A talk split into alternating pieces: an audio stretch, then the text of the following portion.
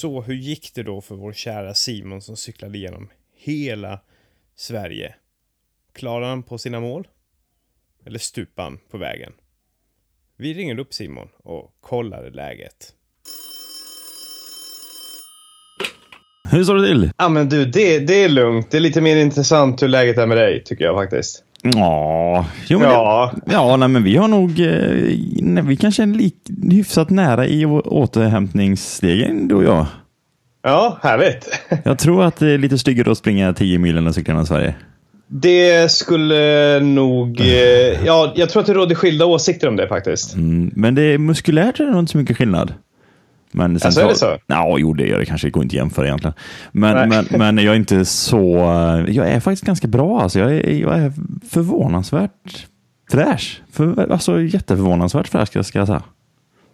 Du var ju lite risigare när det var Sverigetrampet 1.0, eh, som jag förstod det. Lite längre tid åtminstone. Ja, det drog ju, alltså jag, för mig, jag, när jag kollade in mina dagböcker, att det var två, två, tre månader innan jag, kunde, innan jag skrev att nu svarar jag kroppen på träning som den bör.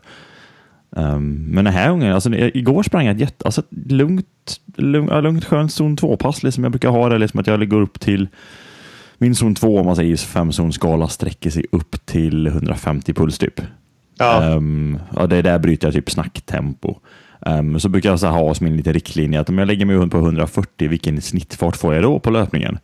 Ehm, och nu alltså jag, jag springer 420 fart liksom. Alltså jag är, kroppen är fräsch, den känns bra.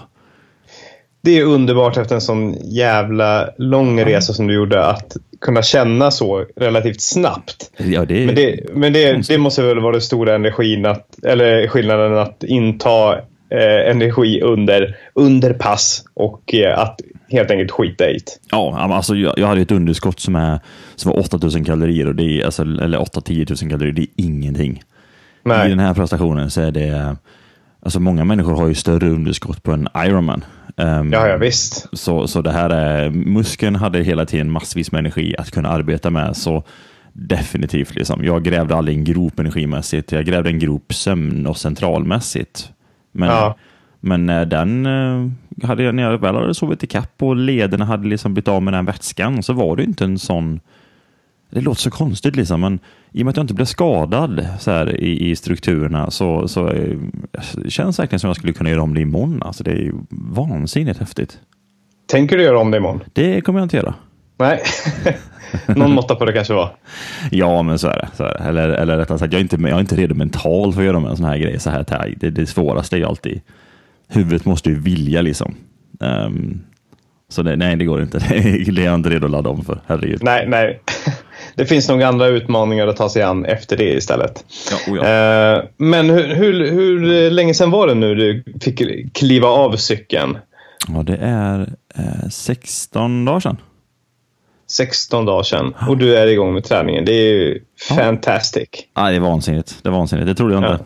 Ja. Jag tror det är minst två månader tänkte jag. Liksom. Två månader har och det är sånt jag har läst från de som har kört RAM och liknande. Att eh, det tar nog den tiden. Men, men jag tror, ja, alltså jag, jag hade, när, jag väl klev av cykeln så sa jag till grabbarna liksom att jag hade nog utan problem kunnat fortsätta en två, tre dagar till. Inte snabbare.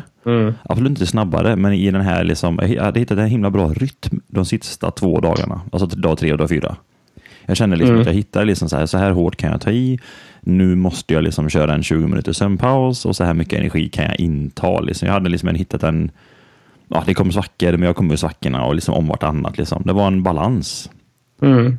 Så, så ja, jag trodde att det skulle vara längre återhämtning. Eh, och det är det väl. Jag är inte helt återhämtad, men, men jag kan inte uppleva någon lång sträcka kvar, liksom. varken på intervaller på cykel eller på, på löpkapacitet. Men jag följde ju dig och och följde alla de här eh, fantastiska inläggen som dök upp eh, i, i flödet. Och eh, det, det var ju några dippar kunde man ju läsa om.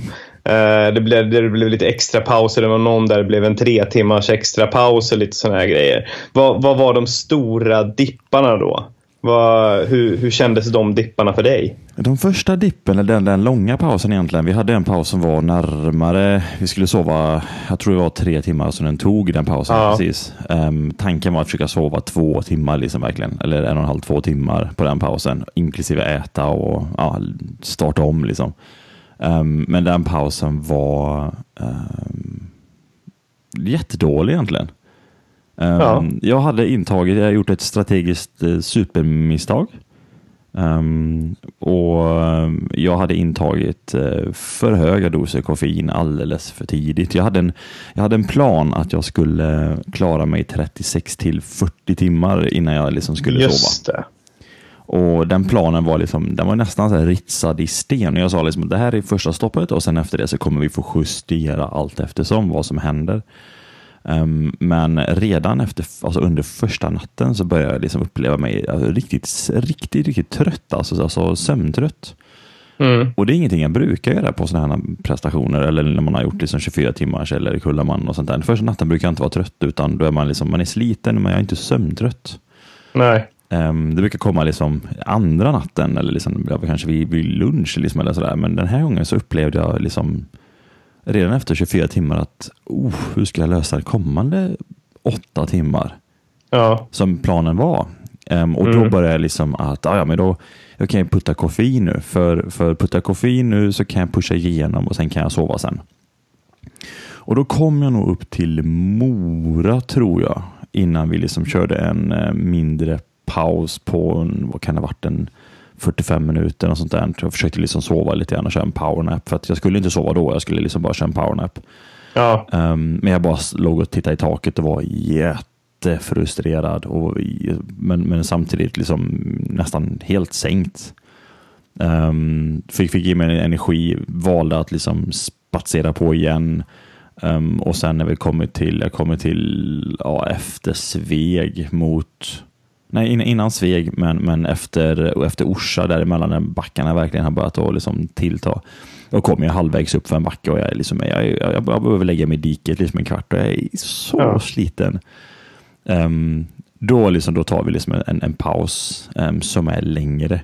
Och, och jag, jag, lyckas inte liksom, jag lyckas inte sova, ingenting. Jag bara liksom ligger och tittar i taket, men jag är så alltså, snurrig i huvudet av all koffein. Och då, bara så här, då, då sa jag till grabbarna liksom att nu kör vi noll koffein under sex timmars tid så jag bara får bränna av alltihopa. Ja. Och sen så får jag ta de små pauserna som jag behöver för att hålla mig liksom på cykeln. Mm. Ehm, och sen den pausen som kom efter det som var på någon en och en halv timme tror jag, ehm, så kom jag tillbaka igen. Då, då kunde jag hitta liksom en homeostas. Då kunde jag, ja, den kvällen där, det tog nog faktiskt 36 eller 38 timmar innan jag liksom fick, fick min sömn. Men det var till ett högt pris. Det var att jag liksom verkligen kramade ur liksom kroppen alldeles, alldeles för tidigt. Mm. Så när jag väl gick in i dag två, alltså dag, nej, dag tre, ehm, då, då blev jag bättre och bättre och bättre ehm, för att jag arbetade med sömnen som reg- regulator mer än koffein. Då hade jag, liksom, jag hade Ja. typ en kopp kaffe liksom varannan timme i blodet om man säger koffeinmängds sammansättning, så 30 till 40 milligram koffein i timmen. Mm. Eh, Men i början där så försökte jag liksom att riktigt, alltså så som jag gjort på 24 timmars, hade jag gjort Kullamannen så gjorde samma sak. Prestationen mellan 24 och 48 timmar, liksom. koffein, sluta sov. Det kör bara. Men det här är för långt. Det här är för långt. Ja. Så min, min, stor, min strategiska misstag var att jag skulle ha varit ödmjuk och tänkt att när jag behöver sova min första gång, då sover jag min första gång. Ja. Det skulle jag gjort. Och Alltså, inte, och precis, inte försöka hålla sig för strikt till planen. Nej, som precis. benat ut. Precis, precis. Och då, då där tappade jag tid. Hade jag inte gjort det så hade jag lätt varit under 95 timmar totalt utan problem. Ja. Men där sabbar jag fem timmar tror jag utav liksom yrsel, illamående. Um, ja, jag, jag kunde inte liksom, man kan inte bara um, kissa ut lite koffein utan du måste ju bränna, kroppen måste ju bränna upp den. Ja. Och det tar tid. så, Ja. Ja. så, så jag hade liksom en, det var en tiotal timmar där som var plågsamma riktigt innan jag liksom kunde komma in i rytmen igen. Så väldigt bra lärdom. Ja. Ja, men det är väl svinbra att ha en strikt plan, men man måste i synnerhet. Alltså det, det är väl lättare kanske att trycka igenom ett, ett kortare lopp. Att, så här, att, att, att övertrassera kontot så att säga. Men, men om det, är, det ska påverka flera dagar efteråt så måste man kanske vara lite, lite mer lyhörd. Oh ja. Och, och anpassa liksom, den strikta planen efter hur fan man mår. Mm. Och det, det här var mer, jag hade ju bara egentligen Kullamannen hade jag som referens på något sätt i liksom antal vakna timmar och då kände jag men det här borde kunna gå men löpning och cykling är två helt olika saker. Det är helt Ja, olika saker. eh, med, med två olika saker. Vad, hur, hur menar du då? På löpning så kan du vara eh, tröttare sömnmässigt och fortfarande ta dig framåt.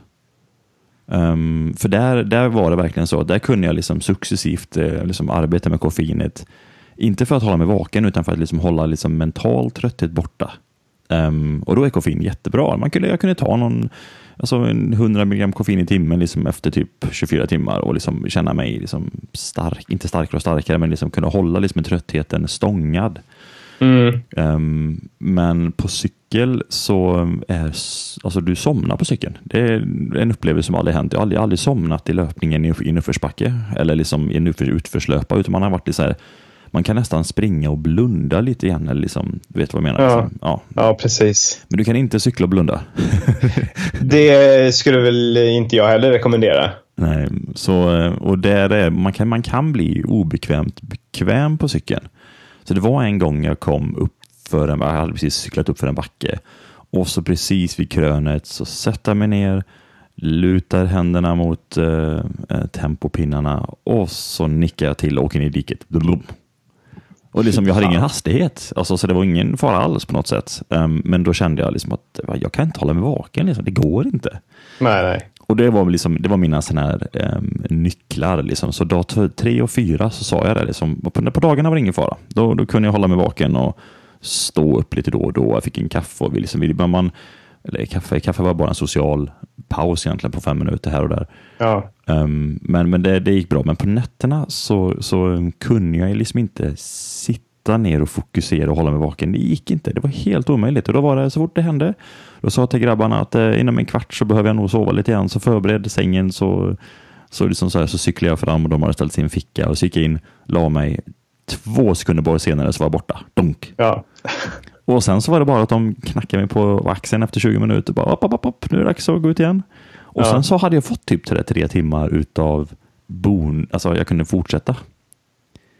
Ehm, så, så eh, då hade jag hittat den här cadencen, den här liksom rytmen att okej, nu går det inte längre och så bara bump.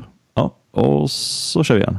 Men på, Mm. löp, på löpning så kan man på något sätt oh vad trött jag är och så kan man liksom så här forsa det. Du kan liksom bryta igenom någon sån liten barriär och sen kan du Ja, jag vet inte. Eller, å andra sidan, nu har jag inte sprungit i fyra dagar så jag vet inte vad som händer dag tre, dag fyra där heller. Liksom. Det ska jag inte säga för mycket, men, men, men du somnar inte riktigt på samma sätt. Man kan vandra lite mer liksom, och hänga med huvudet. Liksom. Eh, med Ja, cykel så precis. måste du ha en viss skärpa.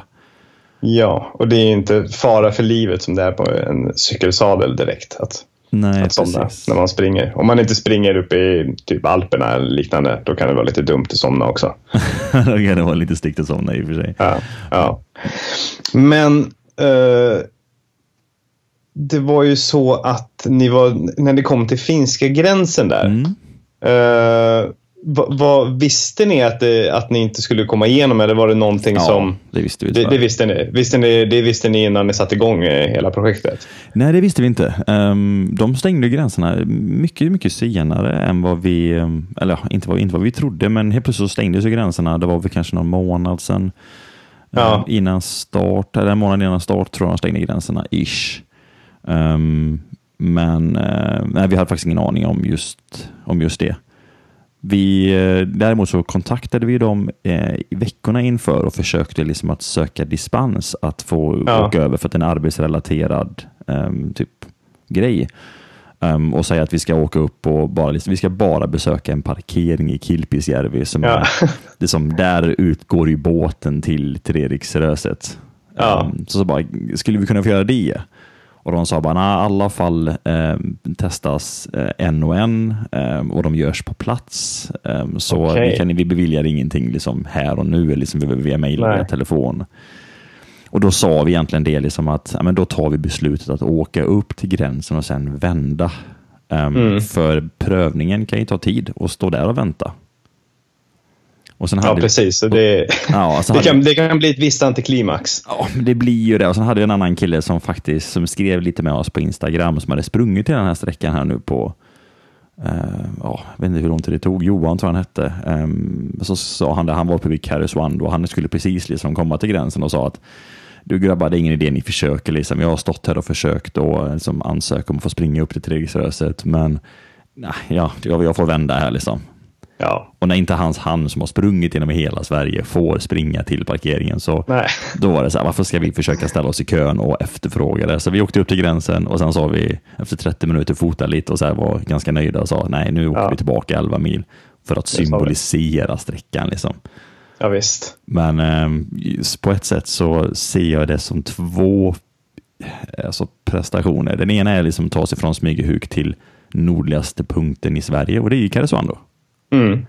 Ehm, och den andra är själva sträckan upp till parkeringen, eller vad man nu vill kalla det för. Men det, jag vill inte jämföra, det finns ju även det här Sverige-tempot och det går ju från Abisko, från norska gränsen. Norska gränsen, norsk-svenska gränsen Ja, i väst. Ner till Smygehuk och det är också en typ av, det kallas ju Sverige-tempot som jag kommer genomföra om något, eller ett par år kanske, för att det är coolt att göra det i en tävlingssammanhang. Men, men alla de här grejerna, det är olika liksom.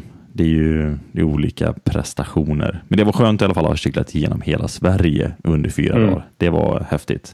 Mm. Men lite, lite grinig är jag allt för att jag gjorde den, de strategiska misstagen där i dag två. Ehm, för det finns mer att hämta kände jag fysiskt. Liksom. Mm. Ja, det sa du ju ganska snabbt till mig när jag skrev till dig om att jag ville göra det här uppföljningsavsnittet. Ja, absolut, det ska vi göra. Fan, lite bitter över Mm. att det gick över 96 timmar.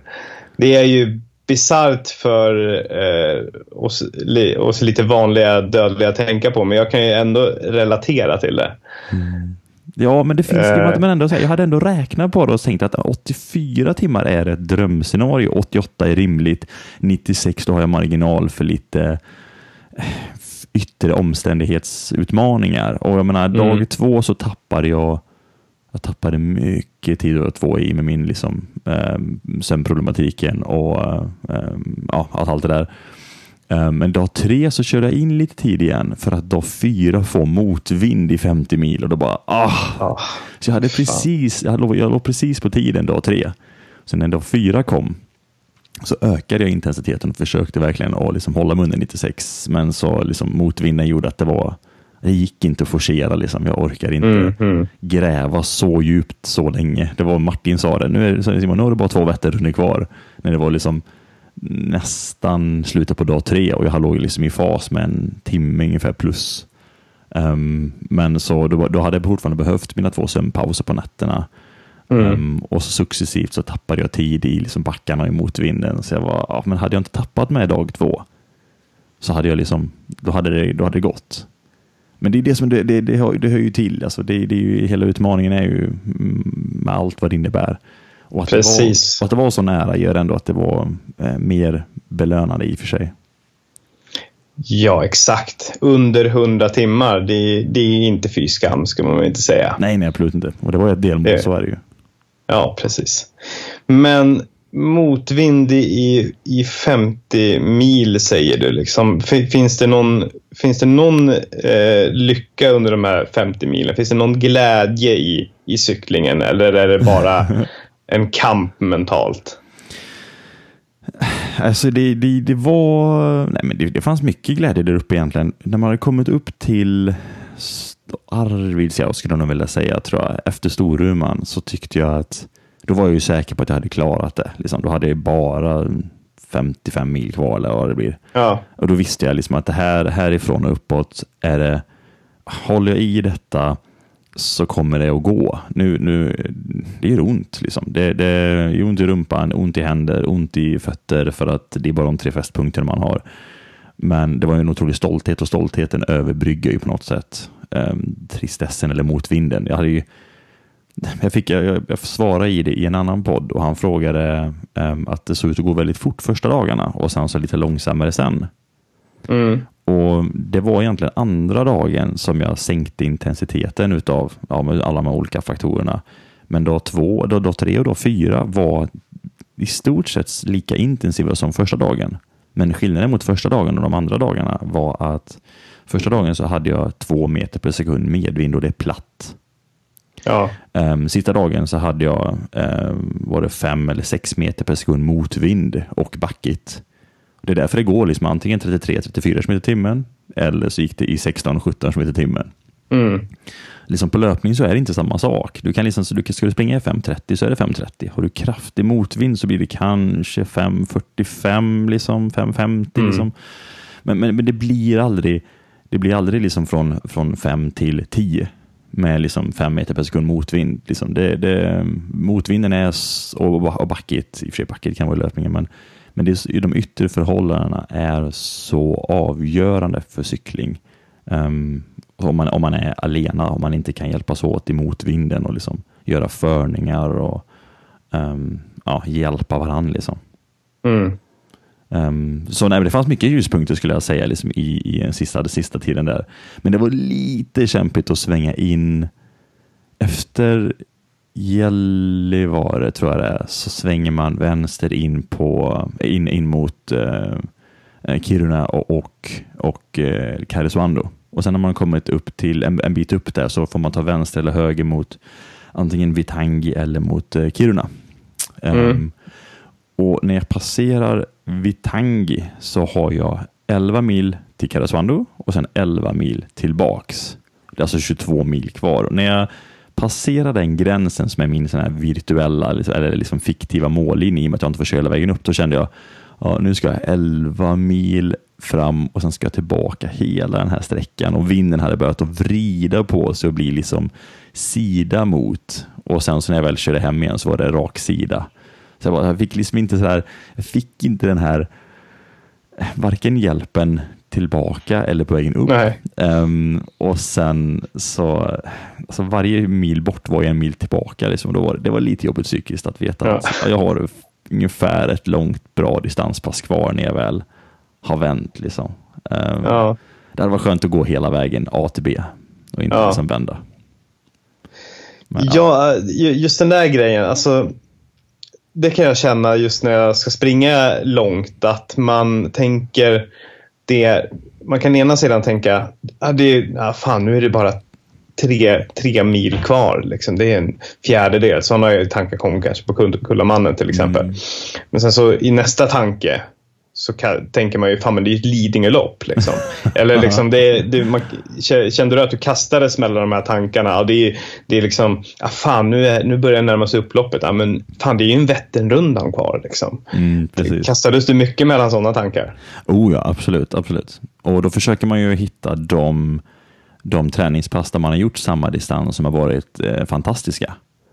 Till exempel och när jag väl skulle hade sista sträckan kvar och tänkte ja, men det är typ ner till Bankeryd. Det där flög jag, men det gick ju jättefort nu på Vättern. Ja, liksom. ja, och så, det är den sträckan ungefär. Um, och sen när det var sju mil kvar, ja just det, det är ju för fasen, det är ju Pixborundan. Liksom. Ja, det är den rundan och då brukar jag vara mm. där efter en mil, därefter två mil och så brukar jag vara uppförsbacke efter fyra mil. Så börjar man ju pussla i huvudet. Och, Sen är det en mil kvar, bara, just det, det är löprundan och den, så nu ska jag cykla löprundan. Och så, ja, du vet, man sitter hela tiden och lurar sig själv och liksom smickrar sig själv och hur fort det går. Och, Oj, nu går det 30 knyck här, liksom 30 knyck och det är lite uppför tror jag, är det inte det? Nej, det kanske är nerför, men det är 30 knyck är bra. Ja, ja. ja så man, man ser nog för jävla lurig ut alltså. Ja. Klurar på olika sätt att övertala sig själv om att allting är bra. Mm. Det, är, det är en stor del av sporten ändå. Ja, men det är det verkligen. Ja, men, eh, men de fi, finaste och lättaste stunderna då? Vad, när, när tog det plats och, och, och hur, hur kändes de? Var det, något, var det något speciellt tillfälle, några speciella mil som var liksom de här mest underbara? Ja, ska jag säga. Alltså det var inte så, nu ska jag säga, det var väldigt, eh, det var nästan vackrare förra gången jag körde genom Sverige. Ja. Jag. jag vet inte varför jag upplevde det där, men jag för mig att det var väl liksom bredare väg förra gången. Men det, Ja. alltså uppåt eh, här liksom inlandsvägen, att det var bredare vägren, men det var det inte. Det var lugnt och fint i och för sig. Fint med renar och så, väldigt vackert. Men Mm. jag tycker nog att det vackraste som jag liksom mötte, eller som jag såg, om man bortser från häftiga fjäll och fina sjöar och sådär, det var nog ändå typ alltså, alltså Småland faktiskt. Det var jättefint att åka genom de här stora rapsfälten. Det var liksom Mm. ehm, grö, eh, otrolig grönska, hade växlande molnighet, vita fluffiga moln och det var, det var vackert. Så jag tycker nästan Småland var finast på något sätt och sen så var jag, förbi, var jag förbi det. Sen var det häftigt där uppe. Otroligt, otroligt det, är, det, är, det är otroligt häftigt för allting är ju vad ska man säga, eh, i Sverige, i, i, i söder så är det, på mina, på mina vanliga cykelrundor så har jag 100, ungefär 100 höjdmeter per, per mil. Så kör Mm. jag 10 mil så har jag 1000 höjdmeter, där är krokarna. Mm. Um, åker jag till Småland så är det hälften ungefär. Det är 50 höjdmeter per, per mil. Um, Då så- går det lätt. ja, det är lätt alltså, det är väldigt, väldigt platt. Ja. Och sen kommer man uppåt landet och det är inte mycket mer än 100, ibland kanske 110-120 per mil, men de kommer i jättesjok, de kommer liksom i berg. Mm. Och, och det är otroligt vackert, men det är också otroligt utmanande. När det blir liksom jättemycket ner och sen jätte, jättemycket uppåt. Mm. Så, alltså det, det, men det är ju å andra sidan otroligt vackert verkligen. Det är det, det, är det verkligen. Mm. Um, Karesuando var väldigt, väldigt fint när man börjar komma upp så högt upp att man ser snö på, på alla toppar överallt. Det var häftigt. Um, men sen är det ganska likt alltså. Det är, har man kommit, väl kommit upp ovanför och finns efter Östersund nu, nu får jag nästan gräva lite i huvudet där men men eh, jag säger att vi är in 30 mil ovanför den, innan Storuman där i krokarna och sen uppåt hela vägen. Alltså det förändras inte jättemycket i naturen. Det blir lite, lite tunnare när det blir blött och sådär um, på, med vegetationen med träd och tallar. Ja. Det, det är ganska likt där uppe tycker jag. Långt och vackert, men Ja. eh, bort ifrån Men det, det måste väl påverkas lite grann av, av ditt mentala tillstånd vid, vid läget också. Ja, herregud, fasen är det så. Att, att allting är lite grann samma sak. Ja, så är det nog faktiskt. Så är det, så är det. Ja, jag, jag, jag fick ju se väldigt mycket i och med att jag körde så, så långsamt, eller vad man säger så. Liksom. Men, men man uppskattar ju inte riktigt när man är hela tiden har ett fokus. Um, pusha, pusha, pusha, pusha, pusha fram, fram, fram, fram, pusha, pusha, pusha fram, fram. Liksom då, Nej. då har man ju liksom när, när varje paus är ehm, den handsken, den handsken, den bullen, nu kör vi. Eh, den flaskan byter vi, nu kör vi. Då, då, du, du, du, du tar inte in omgivningen riktigt, riktigt på samma sätt Nej. som jag gjorde förra gången. Då var det mer fokus på hitta ehm, vad ska man säga, balans egentligen. För där, här, hade jag ju, här kunde jag hela tiden här kunde jag cykla långsammare och inta energi för att komma tillbaks. Den gången så kunde jag inte cykla långsammare, jag var tvungen att sitta ner en stund och då kunde jag faktiskt njuta lite mer. Ehm, på ett sätt, för även ifall det var mer fysiskt. Ah, det är väldigt, väldigt svårt att jämföra. Ja. Otroligt svårt att jämföra. Ja. Men eh, Småland skulle jag säga, det var det vackraste. Ja. Eh, och dina uh, följeslagare där som hjälpte dig genom resan, gjorde de sitt jobb? Fy fan vad bra de var. Ah, Ja. Vilka stjärnor vet du. De var grymma var de verkligen. Alltså det, det är ju, man, ska inte, man ska inte glömma det. De hade ett otroligt jobb att hålla sig pigga och Ja. liksom kunna göra allt det här. Det var ju alltid två stycken som var vakna samtidigt, eh, framförallt under nätterna. Eller ja, hela tiden egentligen. Um, och så Mm. var det en som, som låg och sov där liksom och försökte liksom eh, ja, vila ut så mycket som möjligt och avlasta den andra hela tiden.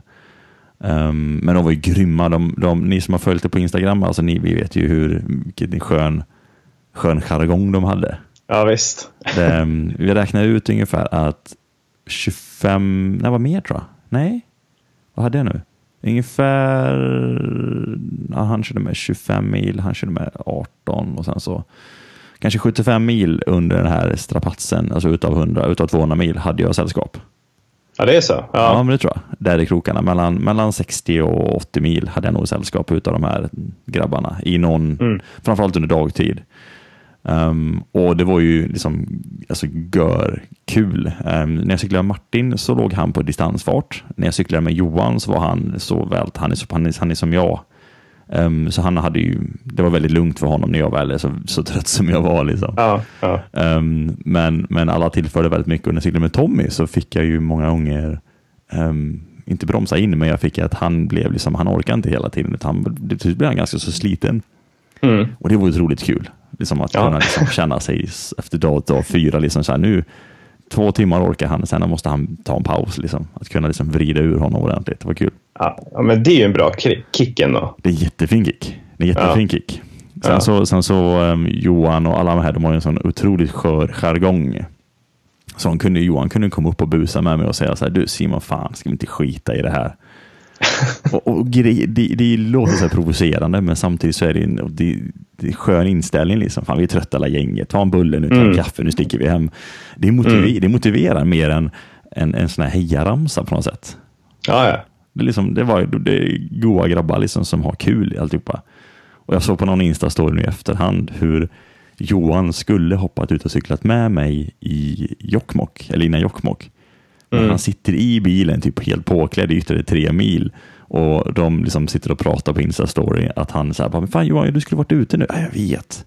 Men han ser fan pigg ut liksom. Jag pallar inte just nu. Vi kan, alltså, det är sån, sån underbar, osminkad, um, god jargong liksom. Ja, ja. Ja, nej, de, de var ju underbara. Fan, alltså, ut- ut- utan ett team så eh, är det jobbigare att hålla huvudet högt. Så är det. Mm. De gjorde en jävla Men, ja. Eh, du känns ju som en eh, kille som är glad konstant hela tiden. Stämmer det? Eller kan, eller, eller kan det vara så att liksom, kan, du bli, kan du bli arg under en sån här eh, resa? Och kan det uppstå någon, någon sorts irritation i teamet på grund av att du är trött? Eller är du, är du cool liksom, genom hela? Ja, nej men det är jag. Alltså jag, blev aldrig, jag, blev, jag blev aldrig arg på teamet. Jag blev aldrig arg på prestationen. Jag var många gånger så var jag väldigt, väldigt, väldigt sliten. Men alltså det där är- har jag kommit förbi nu. Eller inte kommit förbi, men jag har gjort så många äventyr att jag vet att när jag väl är sliten så är det självvalt. Alltså jag har Ja. ingen att klaga på. De är där för min skull. De har tagit semester alltihopa. Så jag har, nej, aldrig liksom, aldrig. Så att det var Nej. ingen gång under resan som jag var förbannad. Utan jag, ja, nej, jag var flera gånger som jag sa till gubbarna, eller framförallt efter första, inte the breakdown, men det när jag var liksom längst under isen efter två, dag två, där, eller under dag två. Då sa jag till dem att ehm, det som håller på att hända just nu är nog att vi missar 96 timmars gränsen om inte jag liksom ly- lyckas reda ur det här snabbt. Men Mm. då, då sa jag liksom så här i min andra mening, det gör inte mig någonting. Just nu så är jag nere fysiskt och mentalt. Liksom. Jag har svårt att hitta en, en lösning, men det kommer komma en lösning. Och tar det 100 timmar eller 120 timmar, I don't care. Nu ska jag göra det så fort som möjligt upp, så att jag kommer komma tillbaks. Och jag tror att det liksom hjälpte dem att hålla mot, alltså, för jag såg att Johan och Martin, som inte är vana vid um, ultror på samma sätt. Tommy har varit med mig innan, sen, sen första Sverigetrampet, så han var ju alltid så här, ja, nu är han trött, han kommer tillbaka snart. Liksom. Um, Johan och Martin var lite mer um, osäkra um, inför de... ja, det, är- det, det är en annan sak att hålla på och göra, göra en ultra eller göra en Vätter runt. Gör en Vätter runt och då kroknat och då flyger du. Då, då, du kommer inte runt. Liksom. Eller du, du kommer inte tillbaka på samma sätt. Eller springer en mara och så ligger du i fyra fart och den har kraschat. Liksom. Du kommer inte tillbaka till fyra fart. Men ultror är aldrig i fyra fart. Ultror är ju att hålla en distansfart och den kan du komma, komma tillbaka till. Du kommer komma tillbaka till den i omgångar. Mm. Mm. Och det tog nog ungefär två, alltså efter den andra dagen som de insåg att ja, man kan komma tillbaka efter en, ett svart hål. Ja, så för dem, för dem lite grann när du gick in i dina eh, svackor. Du, för dig var det lite business as usual, men för dem var det så här. Oj, oj, oj, oj, Fan, oj, oj. ja, nu, nu bryter det ihop liksom. Ja. Nu är det över. Ja, de sa det, de var ju oroliga för att jag skulle bryta. Jag sa, men det fanns inte på kartan. Nej. jag, jag förstår det nu. Jag mår, jag mår bara skit liksom. Ja, jag mår skit och det må hända vara 120 mil kvar, men det är ingen fara liksom. Nej, men... och det är ju det häftiga, liksom. man kan ju komma tillbaks. Man kan ju komma tillbaks. Det är ju många Ja. som kan vitt- bevittna det på typ, så låt oss säga Kullamannen återigen. Liksom. Hur många som faktiskt bryter trots att de kanske en halvtimme, timme senare hade kommit tillbaks och väldigt Ja, visst. på det efteråt. Um, Mm. Om inte man är skadad. Är man skadad så då är det en helt annan tanke. Ja, ja, liksom. Men trötthet, liksom, den är övergående många gånger. Mm. Men, eh, men kroppen då? Alltså, gav, eller hade du några ordentliga smärtor där eller klarade du dig ganska bra under tiden? Ja, jag hade lite omgångar faktiskt och det där är ju, det är ju så ska det vara. Men jag, väldigt, väldigt tidigt så fick jag ganska ont i knäna och det gjorde mig lite nervös. Um, men så försvann det helt plötsligt. Ja, det tog nog kanske två och en halv dag. Helt plötsligt bara så här, tänkte jag inte på det längre. Försvann liksom knäsmärtorna helt. Mm. Då fick jag ont i en vad istället, vänstervaden. Alltså något så otroligt ungefär som jag hade sprungit i spikskor, liksom ett träningspass. Och så Okej. bägge liksom vaderna liksom började krampa ihop, framförallt vänster hade jag otroliga smärtor i vaden helt plötsligt. Men, och, men i och med att det vandrade hela tiden, det vandrade sen så dag tre så var det borta istället. Då försvann vaden och så kom det, kom det istället, om det var liksom vänster rumpa som gjorde ont, alltså vänster höftmuskel, inte sitt, sittpositionen den blir ju värre och värre hela tiden utav förklarliga skäl. Ja. Men, men eh, muskulärt så vandrade det från och med dag två så började det vandra ganska så snabbt mellan olika kroppsdelar. Gjorde ont i nacken, försvann i nacken, gjorde ont i knäna, försvann från knäna, gjorde ont i höften och sen vaderna och sen så ehm, ja, och, och det var ehm, utmanande de första två dagarna men sen så sista dagen ska jag säga att det var det väldigt lugnt alltså. Det, Mm. en otroligt, det, kändes, det kändes precis som att man hade sprungit ett maraton. Man var lite manglad, men Ja. kontroll på det. ja. men Inga punktmarkerade smärtor direkt. Nej, och det var häftigt. Det, Mm. det trodde jag inte. Sen hade, hade jag däremot väldigt ont i händerna och väldigt ont i fötterna. Ehm, för man sitter med...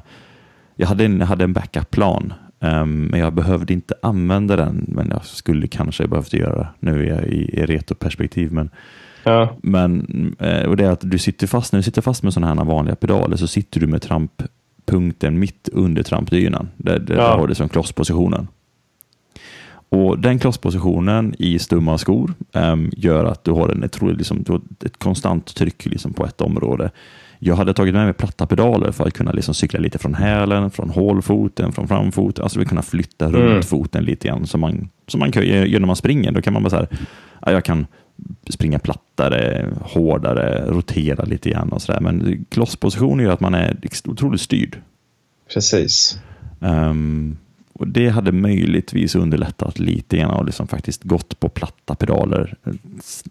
Ja, kanske dag tre rent av, bara för att Mm. få lite variera oftare eller variera mer. Liksom. Mm. För nu har jag fortfarande ganska har, har, eh, heter det, känselbortfall i lilltån och tån jämte av den lite svulna, fötterna har svullnat och sen så konstanta trycket. Liksom. Ja, precis. Det hade jag kanske kunnat lindra genom att byta, men de kommer Ja. tillbaka. Jag känner nu att de är nästan tillbaks. Ja, precis. Vem vet, det hade, det hade kanske varit någon annan skit ifall du hade dragit på dig de där också. Ja, men lite så. Får, Så jag, jag hade Ja. den som min akutplan. Liksom. Alltså, behöver jag liksom känna att fötterna får inte plats längre. Det var ju dag, efter dag två liksom, så tog jag inte av mig skorna längre någon gång. Jag, liksom, Mm. jag, bara, jag sov med dem, jag spände på dem och sen körde jag. Ehm, för att jag visste att tar jag av med dem så kan det vara svårt att få på dem igen. Då är det bättre att sätta fötterna, fötterna i högläge och spänna åt lite extra. ja. Ja, typ som en liten, Ja. som ett, som ett bandage. Ja. Men när, när det dyker upp smärtor och liknande, vad är, det, vad är det för åtgärder ni tar då? Är det liksom massage, stretching eller liksom, är det på med element på alla kroppsdelar där det gör ont? Vad, vad har ni för rutin där? Eh, försöka att bara alternera eh, hur jag cyklar. Så hade jag ont i knäna så försökte jag istället att dra mer. Det gjorde jag istället. Alltså jag hade ont i, mer i vänsterknät än högerknät. Försökte trycka mig med höger och sen dra mig med vänster. Fram Mm. tills liksom smärtan liksom var under kontroll. Och sen så gjorde jag tvärtom. Så jag tryckte mig med vänster och slappnade av med höger. Så man liksom hela tiden försöker att um, alternera liksom hur man liksom cyklar. Um, men det var en, två gånger som jag faktiskt tog dubbla um, liksom Al- Alvedon-tabletterna för att inte kompensera för mycket. Och jag hade som regel att jag Mm. inte ta mer än sex stycken Alvedon under den här sträckan. Liksom. Um, så att jag har kontroll på det, sa jag till teamet att liksom, jag ska inte, jag ska inte, det här ska inte missbrukas. Det här har jag bara liksom när jag känner att jag inte kan hantera det längre. Ja. Um, och det var dag två. Liksom. Dag två och sen dag tre så hade jag en period där uppe för Arvidsjaur som var jätteutmanande. Liksom, med de här, det var väldigt, väldigt tuffa backar. Mm. Så när, när, när jag kom, ska forcera en backe på 7-8 procent, 5 kilometer, då, är man, då blir det mycket tryck på knäna. Liksom. Och så visste vi att nu kommer ett backigt parti och då tog jag två Alvedon bara för att det här partiet kommer nog göra ont i knäna. Ja. Och så forcera jag igenom och sen så efter det så bara så här, nu låt, kan, kan, kan jag dra mer och vara lite lugnare och låta liksom kroppen komma tillbaka och så blir det bättre. Så strategin var att försöka cykla annorlunda. Men när ja. det inte gick att cykla annorlunda för att jag måste upp för backen, liksom, då, då, hade vi, liksom, då tog vi lite smärtstillande. Mm. Så det är rent generellt inte liksom, liksom det, att inte hålla på att stanna och försöka massera ut och, och försöka göra åtgärder utanför cykeln. Utan istället att försöka alternera. Ja, faktiskt. faktiskt. För ja. annars så, ja. de här stoppen som, som ändå var, um, de tar tid. De tar en jäkla ja. tid på en gång alltså.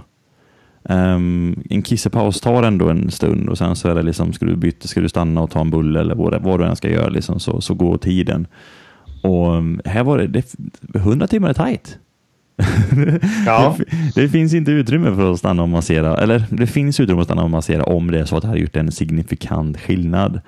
Ja. Um, men massage gör inte en sån stor skillnad, vet man, utav alltså, ja, undersökningar. Liksom att det är du, om du krampar så kan det vara bra liksom att kanske trycka bort eller ja, bedöva liksom området som krampar. Men det egentligen mm. bästa är att försöka stretcha ut den i farten eller så fort som möjligt och sen så byta belastning, minska ja. belastning. Um, mm. Sen kommer det ge sig. Alltså, det, kramp kommer framför allt utav eh, överbelastning. Och så kan du då minska belastningen så kommer krampen att, uh, att, att gå ner. Mm. Så det var det som hände när jag liksom fick ont i vaderna. Liksom. Då försökte jag cykla med liksom spetsigare tår. Um, så att det liksom minskar hävstången på vaden. Så att det helt plötsligt så, ah, nu känns det bättre igen. Men då får man ont i tårna för att man liksom puttar framåt hela tiden. Så mm. man får ju säga, vad, okay, vad kan jag offra nu liksom? Um, men försöka liksom korrigera under på cykeln är faktiskt det, är det mest tidseffektiva man kan göra. Mm, mm. Det är inte det skönaste, det är en annan sak. Nej, nej, nej, nej, precis. Men det här är ju, det här är ju inte ett det här är ju inte en, eh, en spa, spa som du är ute och ränner på heller. Så nej. Eh, nej. nej. men det, det, det är som det, det farligaste man sa, du vet ju, nu, nu pratar nu säger jag Kullamannen hela tiden, men det är för att det är ja. gemensam nämnare lite grann för oss. Ja, precis. Um, och det vet du liksom i varvningen där vid Mölle. Alltså mm. hur, hur skönt det är att komma in dit in. Varmt, allt finns. Varm soppa, cola, kaffe, gemenskap, allt det här. Mm. Men så regnar det och det, klockan är två på natten och du ska ut. Mm. Liksom, det, det, ingen, de flesta bryter ju där inne. Liksom. De bryter inte mm. där ute. Så det är jobbigt när man har sömnbrist och har möjligheten till... Mitt mölle följer efter mig hela tiden. Precis. Det fanns alltid en säng att lägga sig i. Där. Ja, och det var, alltså jag hade nog, hade, jag kunde grävt djupare om de hade haft, äh, svårt att säga. Nu hade jag hela tiden, um, alltså jag, jag, tror att när jag väl slutade alltihopa så kände jag att jag hade kontroll på det hela och det var nog för att husbilen fanns där och jag kunde liksom, mm. jag behövde aldrig gräva en jättedjup grop efter dag tre, fyra för jag hade lärt mig hur länge jag kunde ta i innan jag behövde ta en paus och hur jag behövde liksom, ja, alltså variera belastningen.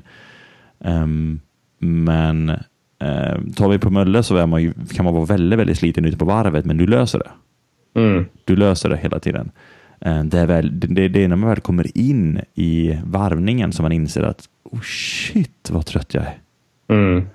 Um, så det är farligt S att Sätta sig på en stol och liknande och bara göra sig själv en otjänst. Ja, men faktiskt. faktiskt. Ja. Så eh, man ska, man ska veta det, liksom, att vi, vi människor är bekväma av vår natur och ska vi bryta naturen så måste vi, då får vi nästan det får hjälpa till. Vi får vara lite strategiska, ta bort lite Liksom, jag har parkerat, det här, det är sjukt egentligen kanske, men jag har, jag har, jag har min lilla bil jag har. Um, jag cyklar alltid till jobbet. Um, ja. Jag har parkerat bilen två kilometer bort. Ja.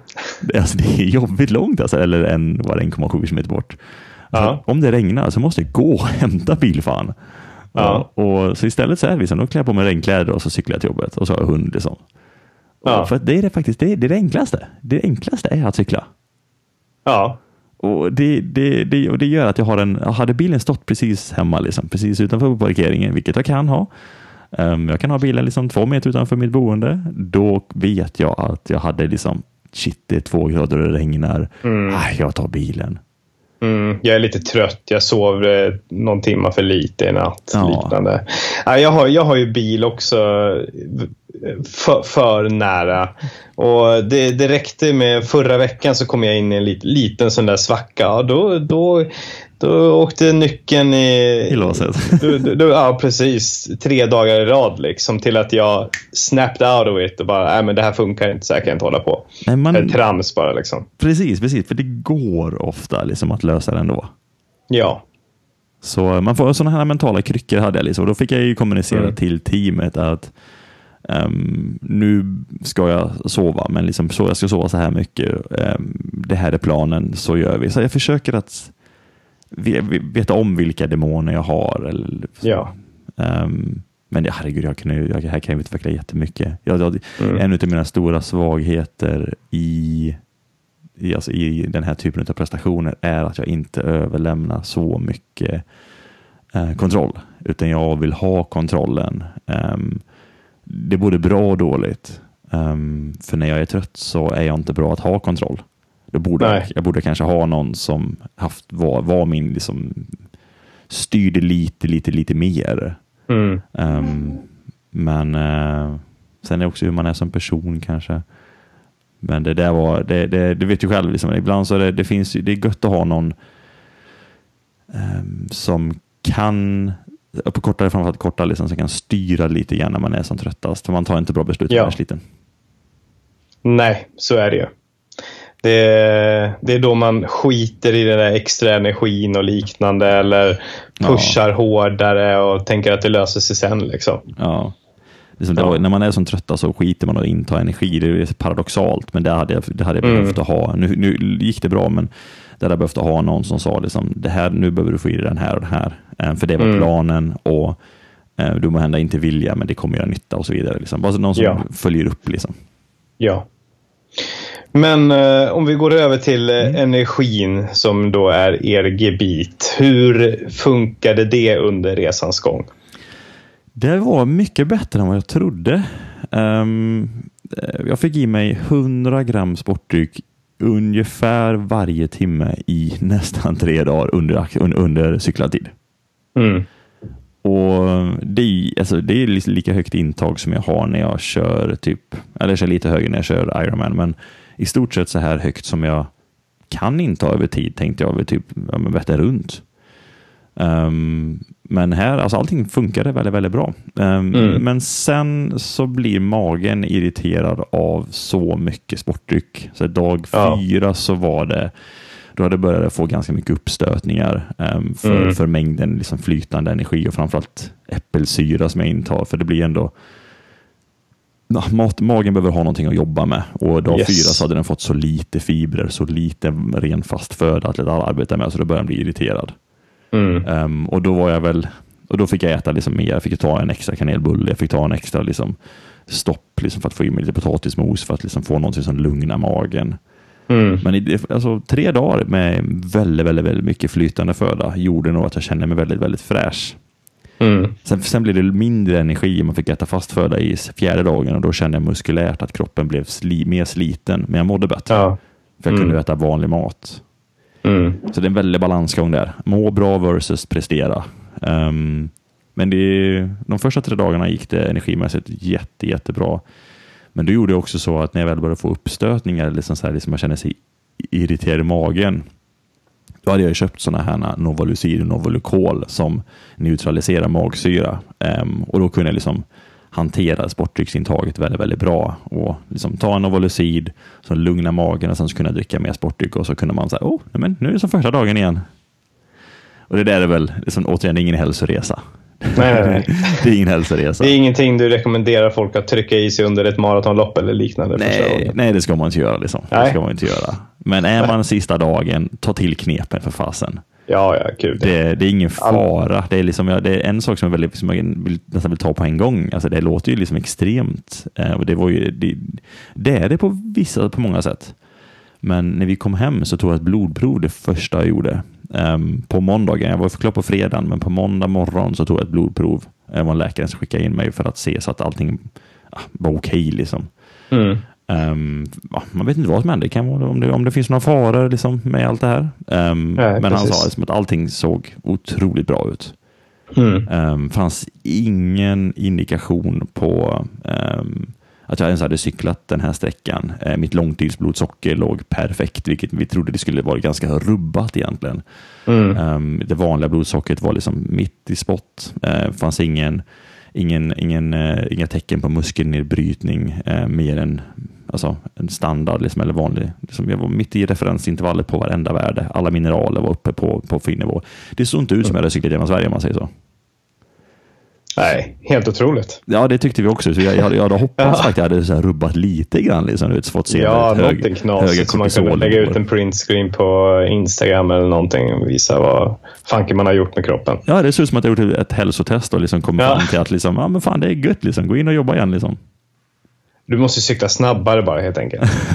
När jag gjorde förra gången så gjorde vi inte detta, men då mätte vi ju, gjorde vi en DEXA-mätning. Vi, vi mätte ja. kroppsfettsammansättning, vi mätte ämnesomsättning och vi gjorde allt det där. Och då var kroppen sliten deluxe verkligen. Äh, ämnesomsättningen var tillbaks, men, men äh, där, var kroppen, där var kroppen markant sliten långt efteråt. Mm.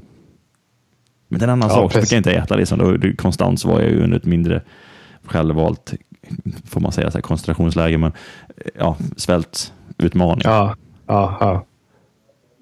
Mm. Och vad, vad skulle, vad, vilka lärdomar tar du framför allt med dig från den här resan? Då? Vil, vilka liksom misstag gjorde du? Vilka genidrag gjorde du?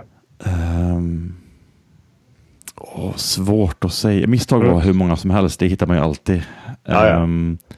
Geni, men om, om vi börjar med misstagen så, eh, så, så är det att man det tar lång tid att kalibrera eh, vilken typ av om man säger, äventyrare man är. Um, hur mycket man måste lyssna på kroppen. Hade jag lyssn om, om, om du lyssnar på kroppen, måste man lyssna på kroppen säger man. Bara, ja, men om du lyssnar på kroppen så säger kroppen inte åh, gå upp nu, för då har sovit 40 minuter efter 36 timmar. Det är, liksom, det är inte det kroppen säger. Kroppen säger sluta nu helt och hållet. Ja. Så att man får lyssna på kroppen, men man måste ändå, man måste vara, ha, man får hela tiden ha um, målet i sikte. Liksom. Men det är liksom så här, att lyssna på kroppen. Eh, stora misstaget är att jag lyssnade för lite eh, och hade lite för mycket en plan. Men å andra sidan, jag visste inte. Det, var, det är sånt där som det tar tid att veta hur, vilka signaler är viktiga, vilka signaler är eh, triviala eller går över. Um, så den stora lärdomen är verkligen att lyssna på kroppen, men lyssna och vilka signaler, liksom, hur djupt vågar jag pusha? Och sömn är någonting som jag har, eh, eh, inte, men, jag har stor respekt för det. Jag har stor respekt för, även i trafiken. Um, liksom, nu, var jag, nu var jag som tröttast när det inte fanns någon trafik. Vi hade kanske en eller två bilar som körde om oss mellan nio på kvällen mm. och sex på morgonen upp i ovanför typ Sveg. Liksom. Alltså det, det finns inga, inga, inga, inga människor kör bil på natten där nej, uppe. Nej. Inga skiftarbetare som åker till Volvo i Noppikoski. Liksom. Det händer inte. Liksom. Det, det, är lugnt och fint på trafiken, i trafiken. Men eh, definitivt att liksom, här, arbeta med sömnen smartare. Eh, det är svårt att pusha igenom. Koffein fungerar kortsiktigt. Ja. Um, ska man arbeta med det långsiktigt så behöver man ha powernap, powernaps. Um, de funkar, de är vansinnigt bra. Jag hade nog in, idag hade jag inte sovit någon längre period alls tror jag. Jag tror inte det. Jag tror att jag bara hade kört korta naps, men jag hade gjort om det. Mm. För de var väldigt kraftfulla efter min första gången så sket det sig med min sömnpaus, men andra gången så fick jag nog sova en och en halv timme tror jag. Um, den kvällen, andra natten där tror jag det var. Um, men efter det så sov vi inga längre alls då, tre och fyra, utan det var bara liksom en 30 minuter det här, eller 20 minuter det här, en 20 minuter det där. Mm. Och det, det gav verkligen samma effekt. Jag var mm. inte utvilad, men jag var inte heller paniksömntrött. Så, så nästa gång så hade, jag nog, så då hade jag kanske sovit kortare strapatser tidigare. Så det var en väldigt, väldigt Ja. stor lärdom. Lägg dig Ja. upp, lägg dig upp. Och hade det inte funkat längre, då hade jag nog tagit till en, låt oss ta en längre sömnpaus på en och en halv timme och se ifall det kan hjälpa. Liksom. Mm. Men jag hade alldeles för hård ram den här gången. Att, att nu ska jag sova en lång stund och nu ska jag sova en kort stund. Mm. Så strategin skulle varit sov kort, sov kort, sov kort. Funkar inte, ja, men jag tar en lång då. Ja. Det, och då, då är man strategisk em, i en osäkerhet, om man säger så. ja, precis. Um, sen var det var, geni, genidragen. Ja, bra fråga alltså. Bra fråga. Jag har faktiskt ingen. men, men det var en sak som jag sa som, som, som jag sa till teamet som var väldigt utmanande eh, sista dagen. Det var vi blev bättre och bättre på stoppen. Vi blev effektivare och effektivare. Um, med hur man liksom, de hittade hur de skulle organisera kläder. Hur de skulle, så här. Men till slut så sa jag så här, gubbar, vi måste ha en bullpaus här nu på tre minuter. Där jag bara får kliva av cykeln för alla punkter gör så ont just nu. Ja. Så, så det spelar ingen roll, är vi effektiva av cykeln så det innebär det mindre vila. Liksom. Så Mm. där så skulle jag nog säga att ehm, det var, det var det finns en baksida. Han, en av mina stora idoler heter Christopher Strasser som är eh, Ram-cyklist. Mm. Han har världsrekordet genom USA. Han hade piskat mig med 20 timmar på det här. Alltså, han hade nästan gjort det under, Okej. tre, han hade nästan gjort det under tre dagar tror jag, under Ja. hela Sverigetrampet. Så det fin- när eliten kommer och dammar till det här liksom, så, så kan han visa var skåpet ska stå. De som Mm. är erfarna randonnärcyklister eller uthållighetsidrottare inom sitt område.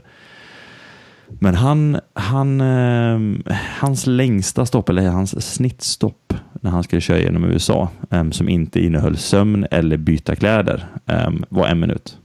Herregud, en minut. Det tar ju fan en minut att stanna cykeln känns det som. Nej men, Och det är otroligt effektivt.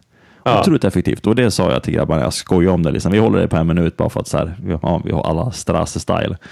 Men, alltså, alltså, men, men så fort man har väl klivit ut så bara 30 sekunder och bara åh, dra åt skogen. Ja. 30 sekunder innan jag ska cykla i tre timmar till.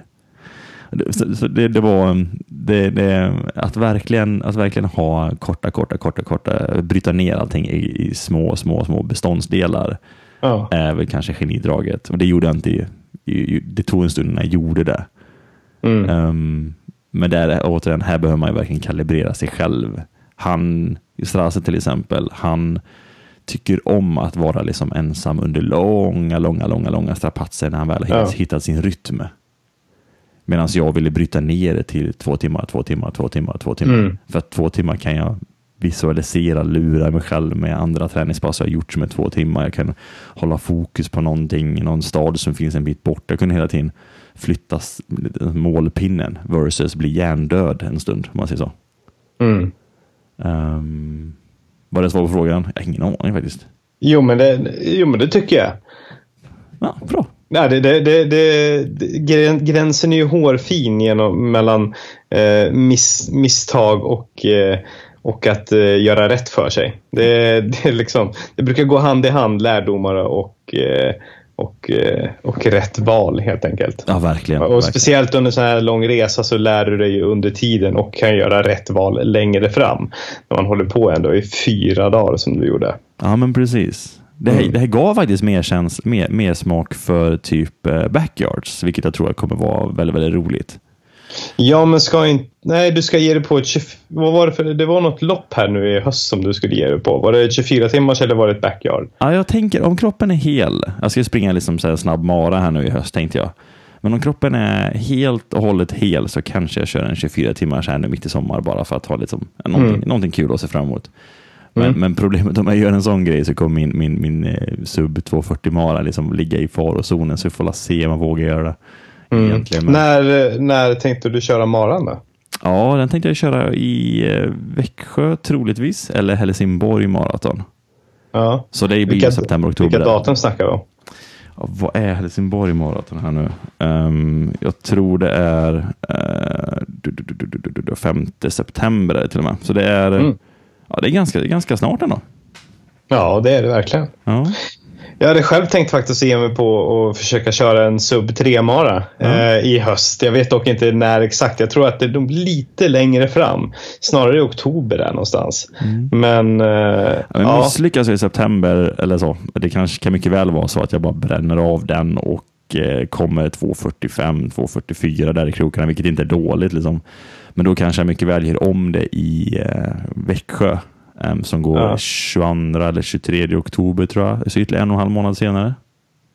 Det låter ju Där har vi nog min mara tror jag. Ja, du ser. 23-24 oktober. Perfekt. Om de får Tack köra. Om de får köra. Jag Ja, hoppas de får ja köra i någon precis. Det får man ju se. Jag vet inte hur många, hur många anmälare det brukar vara till det. Det brukar ändå vara ett par hundra ändå. Det är nog Ja. ja. tre, 400 kanske. Kan det vara på gränsen där kanske? Det är nog det, vet du. Det är nog det. Framförallt om de har den här gränsen om 50 pers. Liksom. Mm. Men många lopp har gjort så att de har haft, eh, alltså inte, för man är aldrig 50 pers i en klump, utan man är ju, Nej. förutom i startfållan och eventuellt målfållan, men tar man bort starten och man verkligen kör en rullandes, så är det ju chill. Ja, absolut. Nu ska man inte låta som att man liksom ignorerar det här liksom, viruset här nu, liksom, men, men, men eh, ja, på många sätt så tycker jag att idrottsprestationer i den här omfattningen bör uppmanas. Liksom. Man borde limitera eh, besök till Ikea, besök till Bauhaus eller sina när man är liksom i trånga gångar och det är liksom allmän befolkningen oavsett hälsotillstånd. Är man det minsta sjuk så ställer man sig inte på en startlinje. Exakt. Så jag anser att där, är det, där kan man vara lite, lite fler, eh, för där är det hälsosamma, friska människor. Eh, Vissa symptomfria, men ah, du vet vad jag menar. Jag vet. Jag vet vad du menar. Ja. Ja, nej men fan vad grymt då. Men då, då kan vi kanske se fram emot en, eh, en Mara i höst i alla fall. Och sen kanske att du klämmer dit med ditt 24 timmar. Så vi får se. Troligtvis så blir det kanske 24 timmars om PRT igår, personliga rekordens tävling. Ja, just det. Den är Vi- vidrig, men den det var, andra sidan var det i augusti eller vad sa du? Ja, Den är i december. Det var, det var i december? Ja, ja. ja men då så. Ja, den är vi, de kallar det för, det- går precis via Lucia, så det är Sveriges längsta julbord, skojar de om att det är. är, det- är det inomhus de kör det? Ja, precis.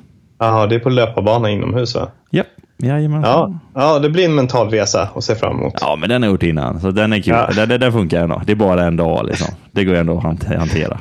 Det är bara en dag. Un, underbar inställning alltså, det måste jag säga. Det får du hänga på. Ja. Ja, jo, men eventuellt. eventuellt.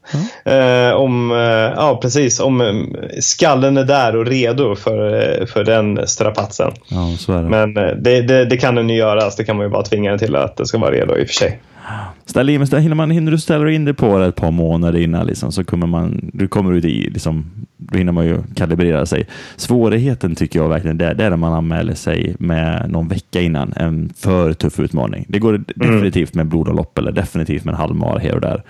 Men, men ska du köra något så långt, då behöver, jag behöver i alla fall gå igenom olika scenarier i huvudet, vad som kan hända, vilka motgångar jag kommer kunna få och bara leka med Ja. tanken. Liksom, du vet, precis som när man cyklar till jobbet så är det motvind och regn och bara, ja, det här kanske jag kommer få. Ja, är, med, är, det, är det här någonting jag kan acceptera? Du vet, man, man, man behöver en lång, jag, jag behöver definitivt en lång eh, betänketid. Liksom. Är jag ute på hal is nu? Ja. Nej, jag håller verkligen med. Det var det som var lite jobbigt med, ja, som du kanske såg att när jag sprang den här 10 mils rundan att jag liksom hade liksom inte tänkt på den någonting förutom de sista typ två dagarna. Jag tog det lite grann i förbifarten och då var, då var det tufft. Eh, redan efter fem mil så var det eh, lite ifrågasättande och ifrågasättandet höll på i fyra mil ungefär innan jag var, kunde, kunde ta sista milen där på bara lite järnvilja. Men eh, absolut, nej men så det är oerhört viktigt att vara där och att, att faktiskt tänka på loppet i ett par månader. Ja, men det behöver, framförallt om det kommer, om är det någonting som kommer vara jobbigt liksom. Och det kan ju vara faktiskt, eh, ta de som har ställts in på Göteborgsvarvet och tycker att komma runt är det som är en utmaning. Mm. Då förstår jag att de blir väldigt nedslagna av att det kanske ställs in för att man verkligen har hunnit att ställa sig in på det. Men för dig, du kanske också var anmäld till det. Jag var anmäld till Göteborgsvarvet, men jag tänkte ju inte, ja, det var ju tråkigt att det som blev inställt, men det där är något jag kan ta i förbifarten. Ja, Det kräver inte mental styrka att springa Göteborgsvarvet eh, Nej. för mig. Liksom. Och inte för dig heller. Um, Nej. Men, men har man någonting som man vet kommer att krävas mycket av en, då, bör, Mm. då behöver man liksom ha gått igenom en del av de här svarta hålen som man vet kommer komma. För då Ja. kan man hantera dem. Absolut. Absolut. Nej, men jag måste få tacka så mycket för den här fantastiska summeringen eh, Simon. Fan vilken resa du gjorde och det ska bli sjukt spännande att se vilka andra strapatser och härligt vansinniga äventyr som du kommer ta dig för framöver. Tack så mycket. Tack så mycket. Det, om jag får spoila där så tror jag att eh, Ram kommer att finnas på min, min bucket list här nu inom en kanske en femårsperiod. Um, det blir tufft. Det kommer vara liksom en, det kommer ju, det, Sverige blir ju Sverige en sprint, men å andra sidan, bägge två är jobb, lika jobbiga på ett sätt. Ja, Um, där, där har vi en, en sån strapats. Och bägge, alla, alla gubbarna i teamet sa direkt efteråt, liksom, vi är på, vi är på. ja. bara direkt taggade för nästa utmaning. Ja. Ja, men fan, ja, Så det finns i pipen. Den, jag ser oerhört mycket fram emot att du ska sätta dig på cykeln och ta dig an det där eh, underbara vansinnet. Sjukt häftigt. Och eh, jag räknar med att jag kommer kunna fånga dig då i podden även den gången. Absolut. Ja. Men du, då får du ha en grym dag. Blir det någon cykling nu då? Ja, absolut. Idag blir intervaller här nu vid lunch. Eh, Och sen så Ja. är jag inne i det, som sagt. All eh, träning är nu mot maran snabbt, men det innebär att det blir en hel del cykelintervaller för att minska risken för skador och sådär. Jag är lite för skör löpare för att våga köra alla tuffa intervallpass på Ja. löpningen. Jag håller Yes. inte så mycket cykling är allt. Det låter ju alldeles strålande. Men eh, då får du lycka till med det passet och eh, så hörs vi vidare. Det gör vi. Ta hand om dig. Ha det grymt! Hi. Hi.